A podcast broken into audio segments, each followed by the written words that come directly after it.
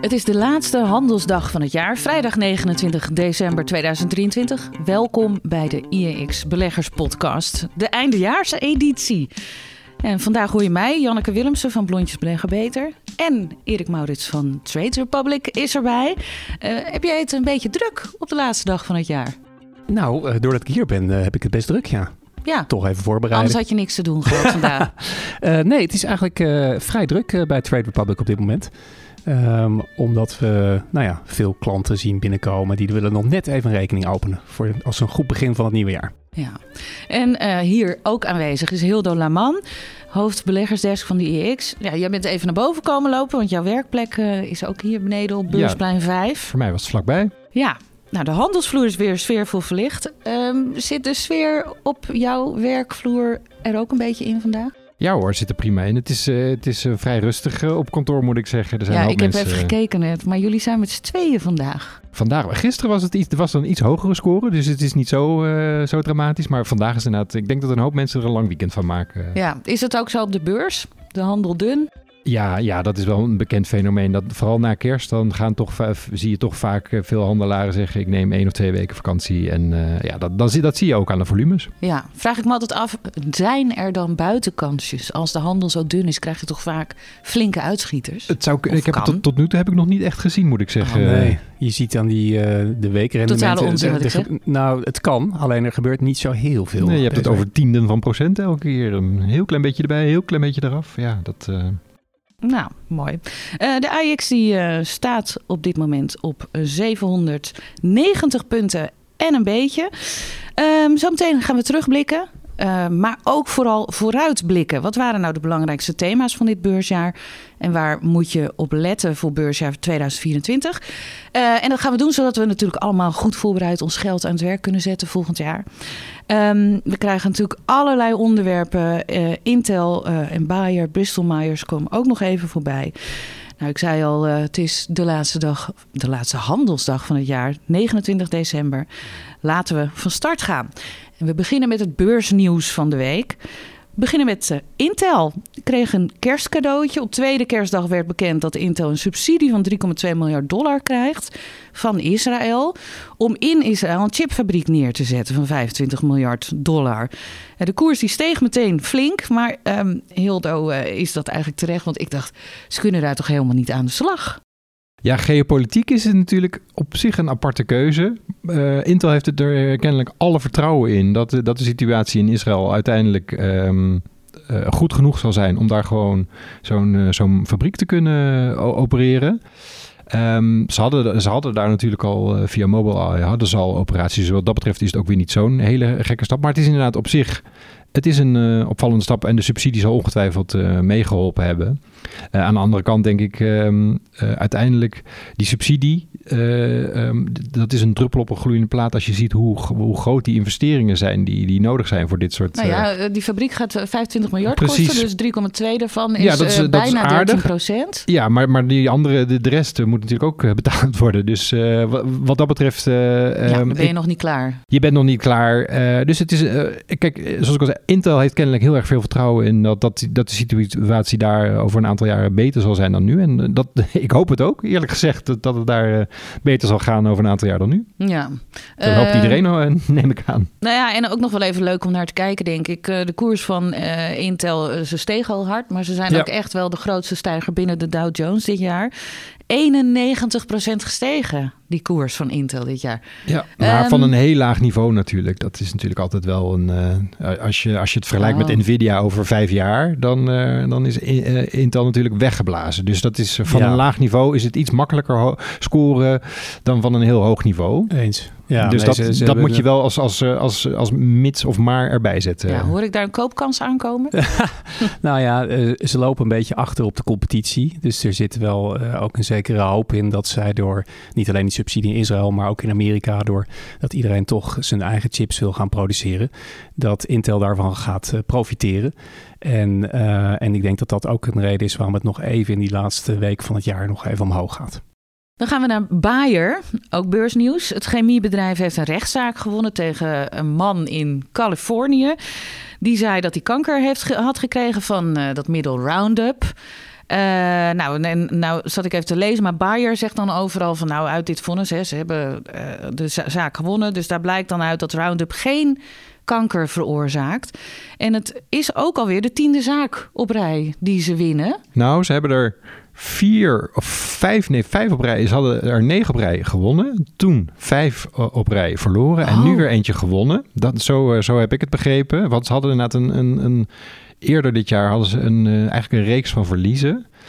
Uh, in, in de rechtszaal. En er was er zelfs eentje waarin 500 miljoen werd toegewezen aan, uh, aan de eiser.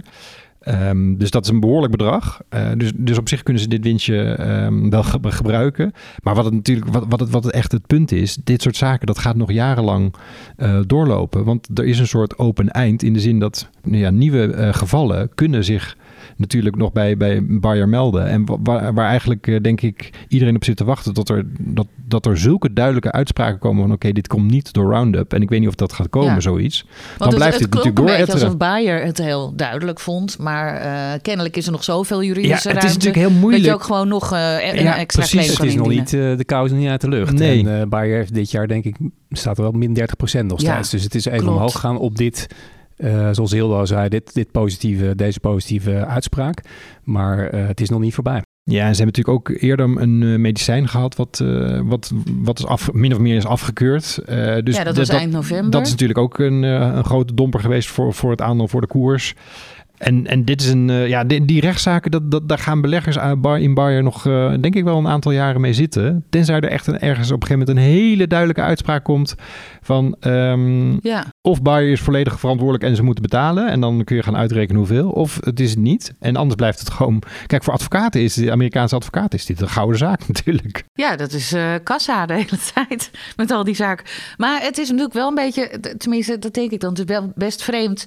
Uh, we hebben denk ik allemaal het idee dat uh, gekregen, in ieder geval vanuit de media uh, en, en misschien ook wel uh, concrete gevallen, dat Roundup in ieder geval niet al te best is voor Nee. de gezondheid. Het, er zit ook glyfosaat in, hè? Nee, ik zou niet als mijn kinderen de tuin spelen, zou ik niet lekker met Roundup gaan spuiten, eerlijk gezegd, in Nee. mijn tuin. Dus dat Ja. zou ik niet doen. Maar het, punt is natuurlijk, het, het, het is lastig om een definitieve link te leggen tussen zo'n middel en de gezondheidsschade. Dat is natuurlijk echt Ja. heel lastig om aan te tonen. Ja, ja precies. Maar wat ik wou zeggen was van... Goh, je hebt het idee van... Ja, het kan niet helemaal goed zijn. Maar als de rechter nu iedere keer... of een rechter uh, iedere keer toch gelijk geeft aan Bayer... Dan, dan vind ik ook ergens... je moet wel op een gegeven moment gaan Ja. kiezen... van is het nou wel of niet goed? Ja, Weet precies. Je wel? En Maar- er een en dat- streep onder, want dit En dat zou natuurlijk voor, slepen. voor aandeelhouders Bayer eigenlijk gewoon het beste zijn. Dat er gewoon op een gegeven moment duidelijkheid komt. Want dat zie je vaak niet. Zo- Zodra er duidelijkheid komt, dan zie je in ieder geval bij het aandeel, dan is het ook echt klaar. En dan, kan er nog wel, dan kunnen er nog wel wat na-effecten zijn. Ja. Ehm, of moeten ze dat zeggen, geven zomaar dat hele Monsanto... eh nou, ja, even dat is ook door nog aan iemand op, anders. het bedrijf opsplitsen en dat, dat Ja. voormalige Monsanto. eh, maar dan, dan heb je alsnog het risico dat er wordt gezegd van als Monsanto door, door, door omdat de claims zo hoog zijn eh, die ze zouden moeten gaan uitkeren, dat, dat ze dan vervolgens alsnog bij het eh, verkopende bedrijf eh, of, of het afge- afgesplitste gedeelte, het moedergedeelte, laat ik het zo zeggen, eh, dat, dat, daar, dat ze daar gaan aan de bel gaan trekken om, om geld te betalen. Dus dan weet je nog, nog steeds niet helemaal zeker of je er ook echt, echt van af bent. Maar, maar dat is meer voer voor juristen dan, dan voor mij, ben ik bang. Eh, laten we dan nog even kijken naar Bristol Myers Squibb. Vorige week vrijdag. Was denk ik net te laat om mee te nemen in onze podcast van toen. Ehm, maar toen kondigden ze aan dat eh, eh, ze een overname doen van eh Karuna Therapeutics. Ja, Engels hè, moeilijk. Eh 14 miljard dollar kost die overname. Eh, het gaat dan om een bedrijf waarbij ze eh, kunnen uitbreiden in medicijnen voor de behandeling van het centrale zenuwstelsel en voor de behandeling van psychische aandoeningen. Wat vindt de beleggersdesk daarvan, Hildo? Ja, er is een, ze hebben een flinke eh, premie betaald. Want ze hebben voor Corona hebben ze 50% premie betaald. En voor Race Bio, de, de, de tweede deal, hebben ze een eh, premie van eh, zo'n 100% betaald. Dus er is, ehm, er is fors betaald.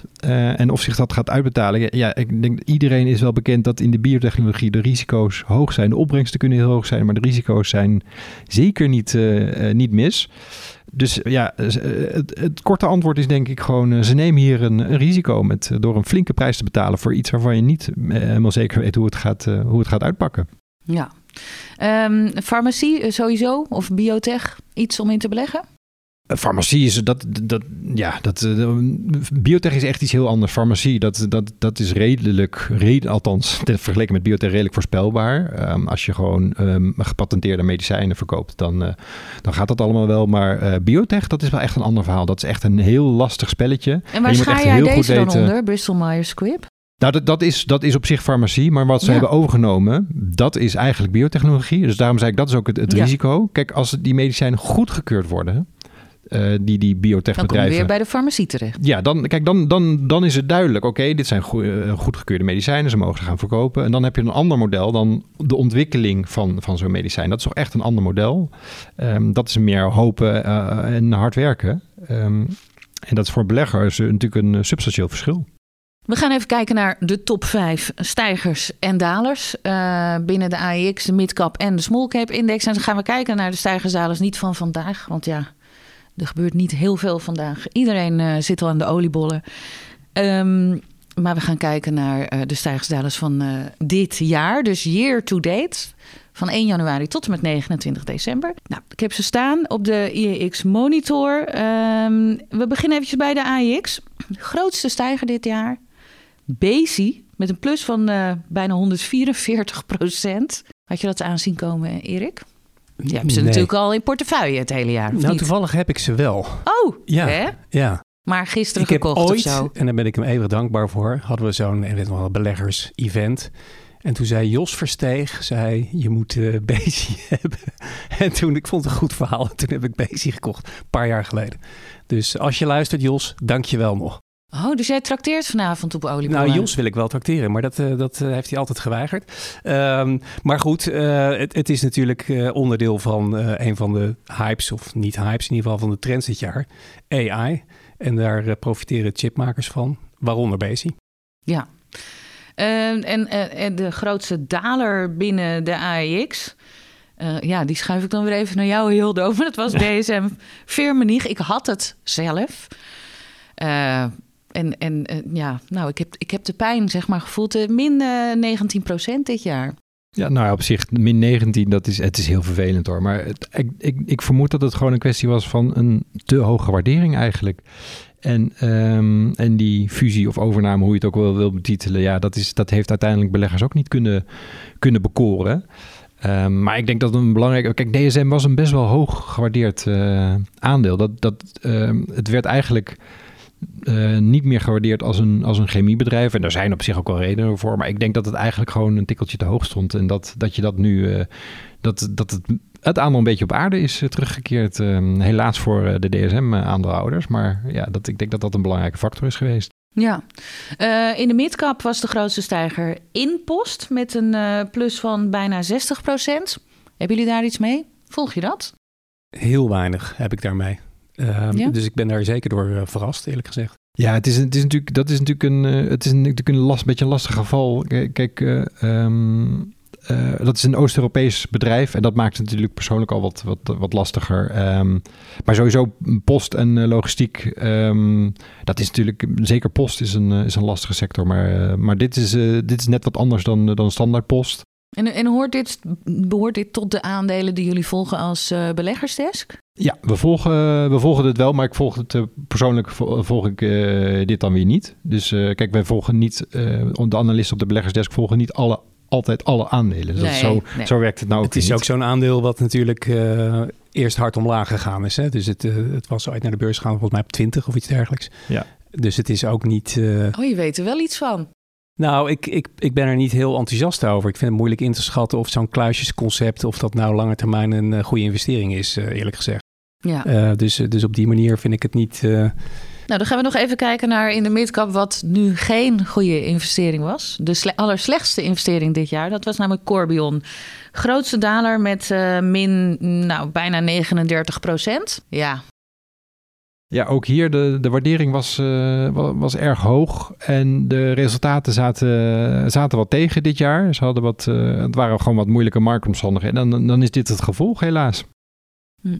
Dan pakken we nog even de, de small cap index erbij. Ik vind het toch altijd even leuk om daar ook naar te kijken. Uh, grootste stijger, bijna 74 procent in de plus, Lucas Bols. En uh, grootste daler met min 65,13 procent, Azerion. Nou, Azerion, daar hebben jullie heel veel over geschreven, hè? Ja, het punt bij Azerion, dat is eigenlijk een soort, uh, ja, een beetje hetzelfde verhaal als 2022. Dit was typisch zo'n bedrijf um, wat een tijd lang in de, in, de, in, de, in de markt met lage rente um, het, het goed deed. Uh, groeiende bedrijven uh, waren heel lang heel populair. En dit was duidelijk een groeiend bedrijf, maar uh, qua winst ehm, was het allemaal wat minder. en dat is, dat is eigenlijk nog steeds zo. En dat, dat is in 22 en eigenlijk ook in, 23, in 23 in wat mindere mate. Maar in 22 vooral is het heel afgestraft. Maar bij Azerion is die afstraffing doorge, doorgegaan. En daar heb je natuurlijk ook nog uh, zo'n akkefietje gehad met, uh, met die co-CEO, um, met zo'n aandelentransactie. Ja, dat, dat is natuurlijk ook niet goed voor het um, vertrouwen. En dan ga ik toch deze een beetje blonde vraag stellen. Maar ik weet dat ik niet de enige ben door wie dit, uh, bij wie dit door het hoofd schiet. Is dit dan een koopmoment? ja, het kan toch alleen nog maar beter, zou je zeggen? Nou, dat, het, het, het punt is dat uh, met zo'n met zo'n groeiaandeel is het altijd heel erg lastig. Uh, kijk, uiteindelijk wil je dan als belegger de toekomst kunnen voorspellen. Want daar, en dat is gewoon, nou, dat is gewoon, ja, maar dat is het uiteindelijk wat uh, ook analisten kunnen niet. Je kan een, een gefundeerd oordeel vellen. Um, dat, uh, en um, maar de toekomst voorspellen is heel lastig. Het, het, blijft een lastige situatie. Kijk, als, je, als een bedrijf jarenlang heeft aangetoond dat het goed eh, geld kan verdienen, dan kun je redelijk, uh, met redelijke zekerheid zeggen van nou, dat zal waarschijnlijk nog wel doorgaan. Maar als dat al jaren niet echt uh, winstgevend is, er is, laat ik het zo zeggen, er is potentie, maar er zijn ook risico's. Dat is denk ik de, de beste manier waarop ik het. en dat is natuurlijk heel vaak met dit soort aandelen. Het. Is er een risico wat jij wilt lopen, Erik? Ja, dit, uh, ik herhaal mezelf een beetje. Maar ik heb ook bij Azerion niet meteen dat ik denk... ja, daar ga ik, uh, daar ga ik nou eens even vol in investeren. Nee. Het, het, lijkt me gewoon uh, buitengewoon speculatief. En, en om die reden kan je er misschien een keer naar kijken... maar niet, niet voor een serieuze nee. belegging. Nee. Ja, wacht even totdat Jos met een nieuwe tip komt. Daar ga ik op wachten. Ja. Nou, dit waren de stijgers-dalers van dit jaar. Dan gaan we nu uh, kijken naar de belangrijke thema's van dit jaar. De belangrijke thema's voor beleggers. Wat waren de meest opvallende gebeurtenissen van het afgelopen beursjaar? Nou, Erik en Hildo hebben een mooi lijstje samengesteld. En we, bespreken natuurlijk meteen of dit uh, ook dan steeds weer een thema voor het komend jaar wordt. Um, we beginnen met uh, AI. AI, is dat nou nu de hype voorbij? Of wordt het echt weer een thema voor volgend jaar? Here to. Nou, in ieder geval in 2023 heeft het uh, min of meer de beurs gered. Uh, eind 2022 dacht iedereen nog, er komt een recessie. Uh, er waren veel economen die voorspelden dat de beurs waarschijnlijk niet zo goed zou doen dit jaar. En onder andere door AI is dat eigenlijk, hebben we eigenlijk gezien dat het een min of meer een topjaar geworden is. Met name die Magnificent Seven. En ja, AI is heeft ja, ervan geprofiteerd. Aan de ene kant is dat wel grappig dat je het natuurlijk doen alsof AI opeens nu dit jaar uh, ontdekt is. Maar het is natuurlijk iets wat al langer speelt. Maar ik denk dat iedereen wel verrast is over hoe snel het gegaan is. En hoe extreem de omzet geëxplodeerd zijn bij ja. bijvoorbeeld bedrijven als Nvidia. Nou ja, en wat ik wel verrassend vind ook. Uh, ik uh, zag dat ChatGPT in 30 november 2022 is gelanceerd. En uh, nou, uh, mensen in mijn omgeving die normaal gesproken helemaal niet met dit soort dingen aan de gang zijn, die gebruiken het nu voor alles. Ja. Ja, en dat is, dat is denk ik het punt. Het, het, uh, het heeft, er zijn gewoon echt heel veel toepassingen voor. En dat is wat we voorheen, uh, althans in het, het, het, gewone publiek, laat ik maar even zeggen. Kijk, IT is een ander verhaal, maar de, het gewone publiek kwam niet echt in het normale dagelijkse leven in aanraking met AI. En dat is echt veranderd. Uh, en dat heeft natuurlijk ook mensen wakker geschud, ook beleggers. Van hé, hey, wacht eens even, hier is, hier is wat, aan, uh, uh, hier is wat gaande. Dus het, het zat continu in die ontwikkelingsfase, laat ik zo maar zeggen. En nu zien, zien mensen ineens dat je het kunt gebruiken, wat je ermee kan. En het is nog zeker niet zo dat, het, dat AI nu klaar en af is. Dus er zullen nog heel wat ontwikkelingen komen. En ik ben ook vooral ook benieuwd hoe, um, hoe die ontwikkelingen gaan lopen. Want je ziet dus nu met zo'n uh, zo'n rechtszaak die de New York Times is aangespannen. Um, over het gebruik van hun artikelen door uh, AI-modellen. In dit geval hebben ze OpenAI, uh, Microsoft, ja. hebben, ze, hebben ze aangeklaagd. En dat is natuurlijk dat is een hele interessante discussie. Van, want mag jij, ehm, eh, en ik, ik moet zeggen dat ik het zelf dat ik het lastig, een lastige vind om te oordelen. Aan de ene kant snap ik de New York, New York Times wel dat ze zeggen van ja, dit, deze content maken wij, jullie gaan ermee aan de haal. Aan de andere kant kun je ook zeggen van ja, ehm, eh, een publicatie, als jij op school een artikel uit de New York Times uh, gebruikt om te leren, dan mag dat toch ook? Dan, um, ja, ik, ik, ik, ben, ik begrijp het ook wel toch hun punt. Er zijn eigenlijk het, het, twee dingen. Ja. Dus ten eerste zeggen ze, die modellen die hebben eigenlijk onze artikelen gebruikt om alles te leren. En vervolgens worden die dan gebruikt om te concurreren met, met de New York Times zelf. En het gaat ook over informatie die normaal gesproken achter een paywall is. Dus ze noemen een specifiek voorbeeld. Oh, ik dacht dat het juist over openbare artikelen nee, nee, het is ook, dat, dat is ook een, het is onderdeel van het verhaal. Maar ja. Uh, dus is bijvoorbeeld ook, uh, dan hebben ze een voorbeeld van een of ander artikel wat achter een paywall zit. En dan vraag je aan ChatGPT, kan je, mij de, kan je dat artikel aan me geven? En dan zegt het nee. Maar dan zeg je, kan je me de eerste zin geven? Ja hoor. En dan, eh, en dan, dan, je, daarna doe je de tweede. En dan kan je op die manier kan je er toch het hele artikel krijgen. En dat zijn natuurlijk ook dingen die ChatGPT uiteindelijk zelf zal oplossen. Maar de vraag is dan of dat of dat strafbaar is of niet. Want in dit voorbeeld wat ik geef, kan je ook zeggen: ja, dan is de gebruiker die dat eigenlijk probeert eruit te forceren. Is dat dan de schuld van ChatGPT? Ja. Um, maar op zich, dat, dat, dat, dat ze zeggen: nou, wij hebben al die content gecreëerd. En, en daar hebben we heel veel manuren en geld en tijd in gestoken. Dus daar moeten we iets voor terugkrijgen. Dat, dat uh, lijkt me uh, eigenlijk best wel logisch. Ja. En, dat, uh, is, dat, is, dat is natuurlijk, natuurlijk is dat, dat een logisch punt. en, het, want, en het punt is natuurlijk dat AI werkt niet. Kijk, zo'n model werkt niet als het niet heeft kunnen leren. En daar nee, heeft het natuurlijk een, een basis voor nodig. Ja. En, en daar zal dan voor betaald moeten worden. Waarschijnlijk wel. Dus er waren ook wel een onderhandeling om te betalen. Dus bijvoorbeeld de Duitse Axel Springer, die hebben al een deal met, uh, met OpenAI. Dus die betalen, uh, Microsoft of OpenAI betaalt Axel Springer x miljoen per jaar. En in ruil daarvoor mogen ze al die artikelen gebruiken. Maar ja. de vraag is dan natuurlijk of je niet je eigen begrafenis financiert op lange termijn. Want als die modellen doorgaan en slimmer worden, dan kunnen ze natuurlijk heel veel overnemen van die uh, journalisten of van die van die mediapartij. Ja, zeker.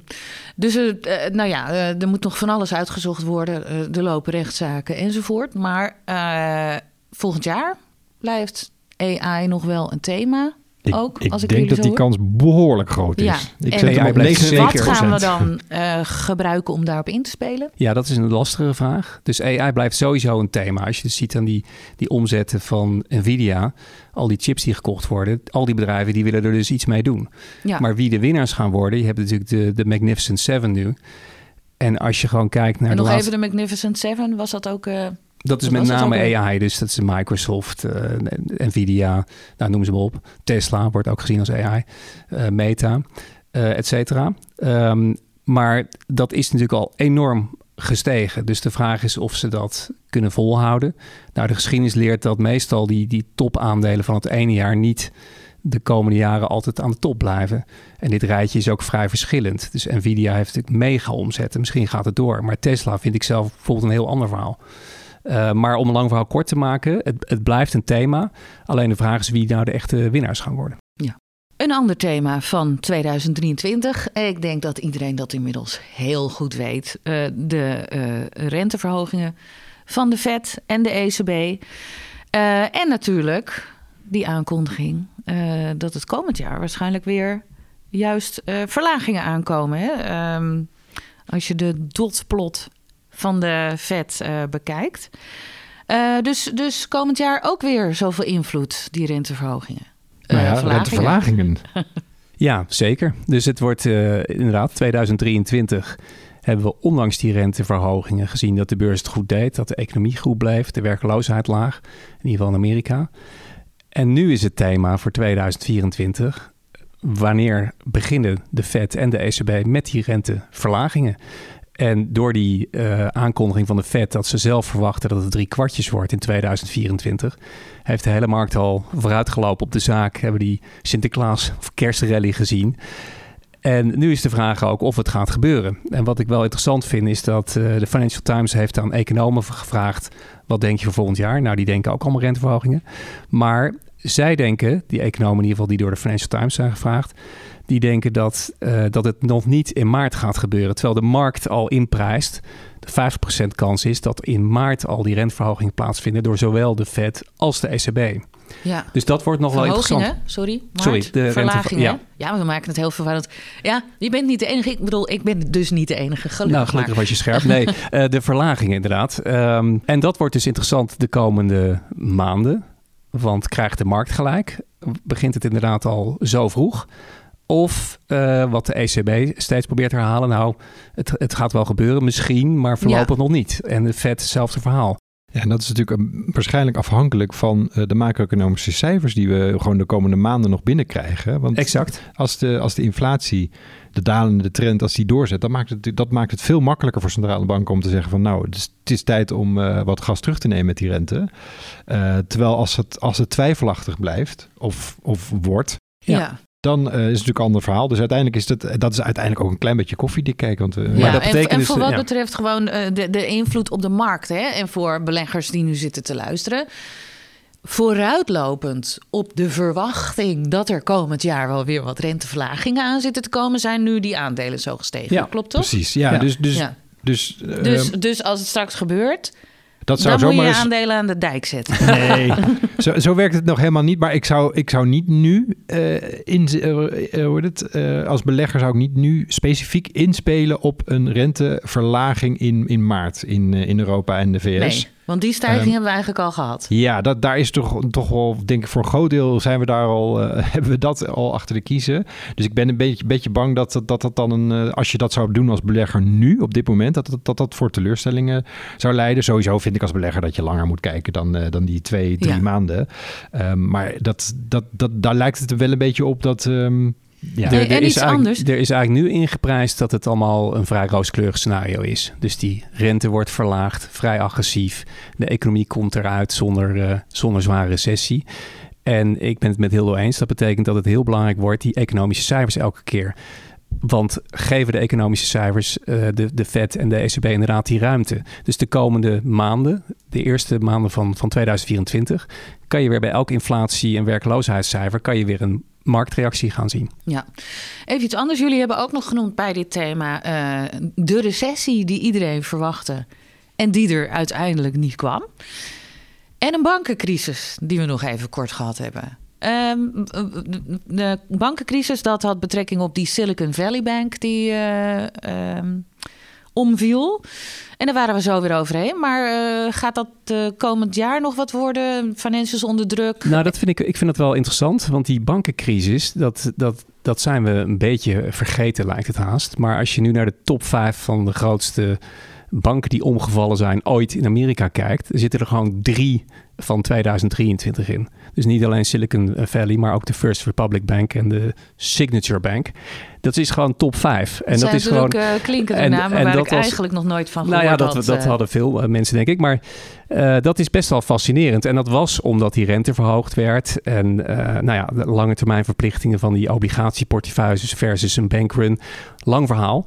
Dat heeft de Fed vrij snel en goed opgelost. Uh, waardoor we het een beetje vergeten zijn.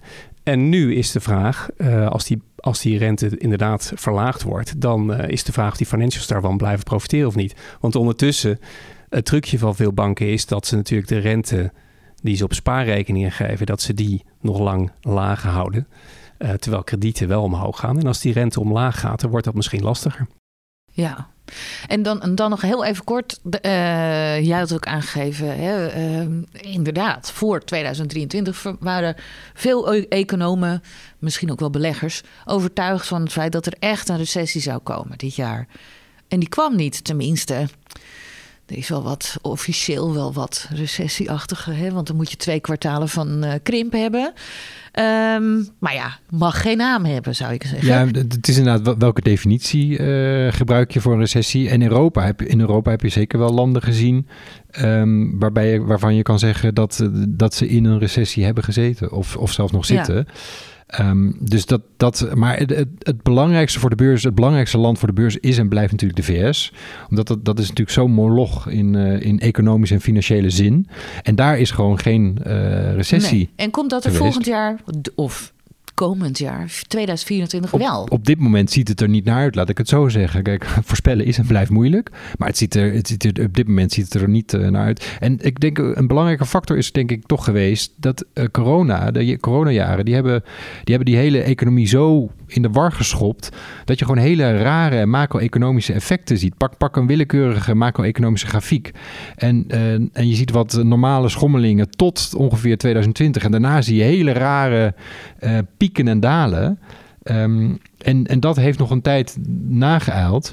Uh, en ik, ik, ik denk dat dat uh, bijvoorbeeld ook de, de arbeidsmarkt heeft dat beïnvloed. En, en de arbeidsmarkt is natuurlijk een hele belangrijke factor. Um, die, ja, die bleef ja. beter liggen. Maar goed, de, de markt dacht als de Fed de rente verhoogt, dan zie je bijna altijd een recessie.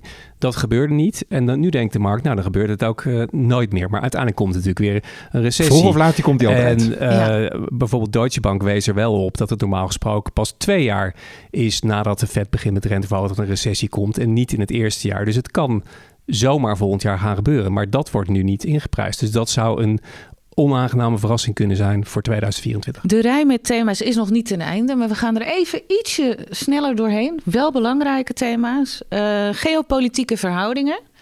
We hebben nu natuurlijk nu uh, wat gedoetjes. om het maar heel eufemistisch te zeggen. Um, hoe gaat het uh, komend jaar uh, wat dat betreft eruit zien? Voor wat betreft uh, Midden-Oosten? ja, het, ik denk belangrijk. De, de, onverwachte dingen, dat zijn, die hebben altijd de grootste effecten op de beurs. Dus, dus kijk, Oekraïne-oorlog, dat ja, vanuit de beursperspectief is dat niet zo heel belangrijk, tenzij daar hele rare wendingen ineens komen.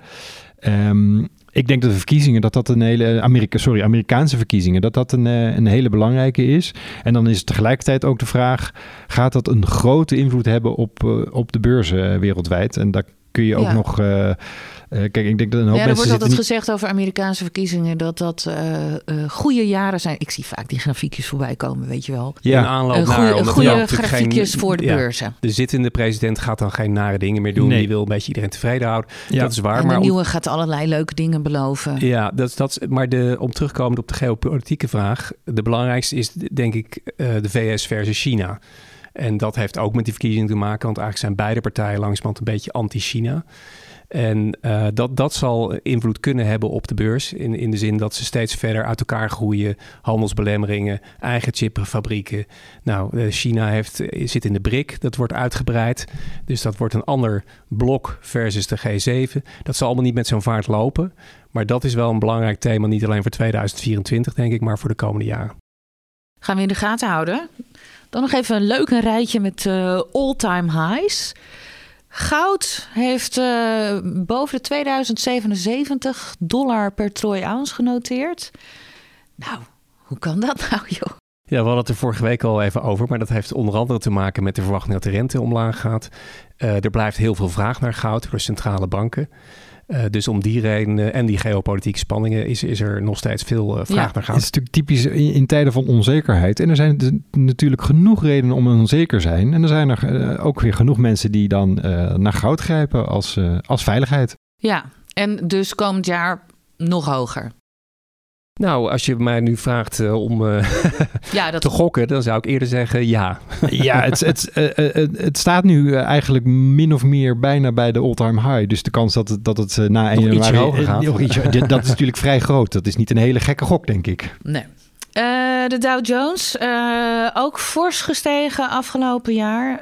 Nvidia in mei al in mei 25 procent.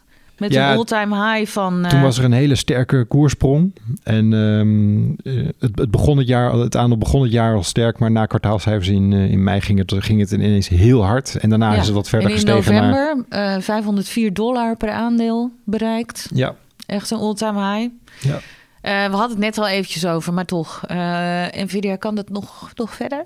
Nou, op, op korte termijn, zolang de beurs nog in die stand zit de, de, we gaan nog hoger, want die rente gaat lager en er komt, een, uh, ja. komt geen recessie. Dan kan het op korte termijn nog wel even zo doorakkeren. Maar om, om over een jaar te spreken, dat vind ik alweer een lastige. Ja, wat bij Nvidia denk ik de, de, de zaak is, en, uh, en dat is, op, er is natuurlijk uh, de omzet en de winsten, die zijn echt ontploft door die, door die, eigenlijk door die AI-ontwikkeling. En de grote vraag is, gaat dat doorzetten? Um, Nvidia zelf is, is behoorlijk optimistisch en positief. En zij kennen hun markt beter dan de gemiddelde buitenstaander, laten we maar zeggen. Dus, um, um, en, en als je het met de toekomstige verwachtingen en de huidige resultaten bekijkt, dan is het aandeel niet eens zo absurd duur. Het is ook niet goedkoop, maar het is niet absurd. Het is zelfs, uh, het zit een beetje in de categorie ASML uh, qua, qua waardering. En, en ASML, daar, daar roepen we ook niet van het is krankzinnig.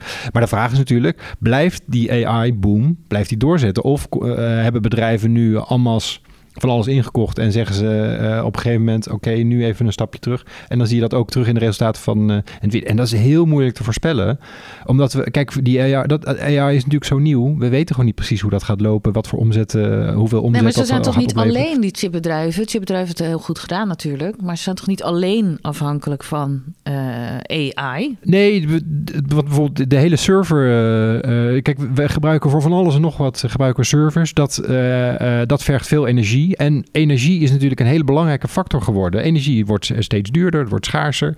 Um, uh, dus dus dat, is een, dat is een andere factor waar Nvidia... Nvidia, um, die is er natuurlijk ook mee bezig. Het is wel voornamelijk AI volgens mij. Omdat de, de, de complexiteit van de chips die daarvoor nodig zijn... dat, kan, ja. dat kunnen zij wel. De rest is daar nog gewoon even wat minder in. Ja, maar ja. Wat, wat Nvidia ook zegt is... De, er is een heel groot, zoals ik al zei... Uh, heel groot, er, er staan heel veel servers uit. En die moeten allemaal uiteindelijk ook vernieuwd worden.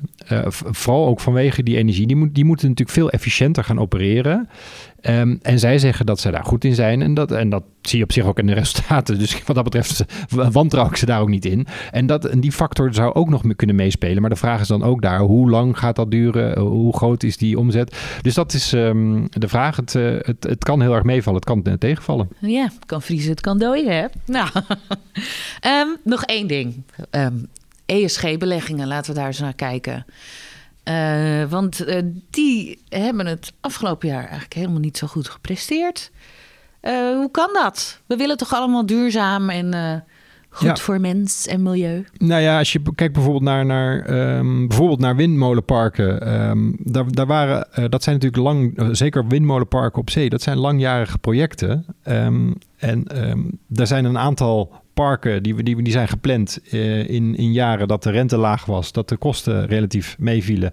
En toen kwam ineens corona, de kosten gingen uh, omhoog. En vervolgens kwam er afgelopen jaar 2023 kwamen, ging, heb je die, die hoge rente gezien, 2022 trouwens ook al. Dus je zat ineens met hogere rente, hogere um, kosten.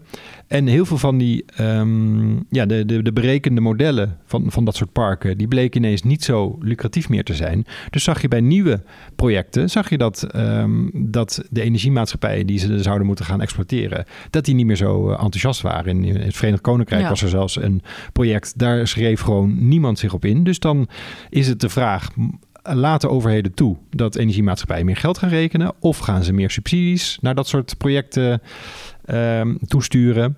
Um, en, en dus dat is, dat is een, ook een, een politieke kwestie. En dat, en dat heeft zijn invloed op. Ja, bij ESG, ESG speelt inderdaad die, die rente die, die, die hoog was. Uh, daarnaast is er een soort anti-ESG-sentiment, waar ik overigens uh, het zelf totaal niet mee eens ben. Uh, ten, ten gunste van meer weer fossiel. En de definitie van ESG, daar ben ik het ook wel mee eens, die, die klopt eigenlijk niet helemaal. Of dat wil zeggen, de E is, kan anders zijn dan de S en de G. Het is niet groen. Wat is het nou precies? Er zit ook een, ja, een definitieprobleem. ik vind ook altijd hoor. Ik, ik duik er wel eens in, maar er zit zoveel licht tussen. Ja. Van ja. hoe duurzaam is duurzaam nou? En wat is ESG? ESG is niet alleen duurzaam, en de ene het is ook is social. enhanced en de ander is inderdaad ja, dus vooral dat, social bijvoorbeeld. Ja. Precies, dat is dus een probleem. En, en misschien is het te snel gegaan, waardoor we nog steeds olie nodig hebben. Maar naar mijn idee, zeker als volgend jaar die rente omlaag gaat en uiteindelijk moeten we toch aan de bak, zou het best kunnen zijn dat ESG-beleggingen, uh, en dan moet je goed kijken inderdaad waar, waar die letters voor staan en waar je in belegt, maar dat dat uh, uh, kansen zou kunnen gaan geven de komende jaren. Oh, ja. nou, dat klinkt leuk. gaan we naar kijken. Dan is het nu tijd voor de eindejaarsstellingen. Ja, Erik en Hildo, ik ga jullie voor het blok zetten. Je krijgt steeds een stelling. En dan moet je kiezen. We gaan zo meteen allemaal even snel langs. En aan het eind mag je natuurlijk nog even wat uitleg geven als je dat wil. Zijn jullie er klaar voor? Helemaal. Ja? Komt-ie. Stelling 1. De AI-hype krijgt een vervolg in 2024. Eens of oneens? Eens. Eens. Stelling 2. Je krijgt 10.000 in aandelen en je mag kiezen ASML of NN Group. ASML. Lange termijn ASML, korte termijn NN. Stelling 3. De AEX haalt 850 punten in 2024. Eens. Twijfel. Eens. Moeilijk hè? Oh, mijn belletje. Stelling 4. Goud bereikt een nieuwe all-time high in 2024. Eens of oneens? Eens. Eens. En de volgende stelling. eh, je moet kiezen voor altijd beleggen in een eh, China-ETF of in een Bitcoin-ETF. Bitcoin E ETF. China. De volgende stelling. Trump wint de Amerikaanse verkiezingen. Oneens. Eens. En de laatste stelling. Dat is een open vraag. Eh, de grootste verrassing van 2024. Dat wordt. Ik denk small caps. Nou, ik denk dat China misschien wel een verrassing zou kunnen zijn. Dat is nu iedereen is zo negatief over China. Dat eh, als zij nou eh, met maatregelen komen, dan zou China een positieve verrassing kunnen zijn. Het zou net zo goed een extreem negatieve verrassing kunnen zijn trouwens. Als er oorlog uitbreidt in Taiwan. Maar eh, laten we het even positief houden. Dat zou de positieve verrassing kunnen zijn. Oh, mooi. Die gaat eh, op ons lijstje. Ehm, wat willen jullie nog, eh, nog toelichten? Waar wil je nog iets extra's over zeggen? Wat zijn we nog vergeten, Hildo? Ja, over eigenlijk voor alles. Want het is natuurlijk altijd lekker ongenuanceerd. En dat snap ik ook wel. Dat, dat, eh, dat, dat, eh, dat is natuurlijk leuk aan dit soort dingen. Ehm, maar bijvoorbeeld dat, dat Bitcoin-China-verhaal. ehm, dat zijn allebei dingen waarbij natuurlijk best wel een, ja, zou ik zeggen, een luchtje aan hangt. Met, China heb je de politieke onzekerheid. En Bitcoin, ja, dat weten we natuurlijk ook allemaal.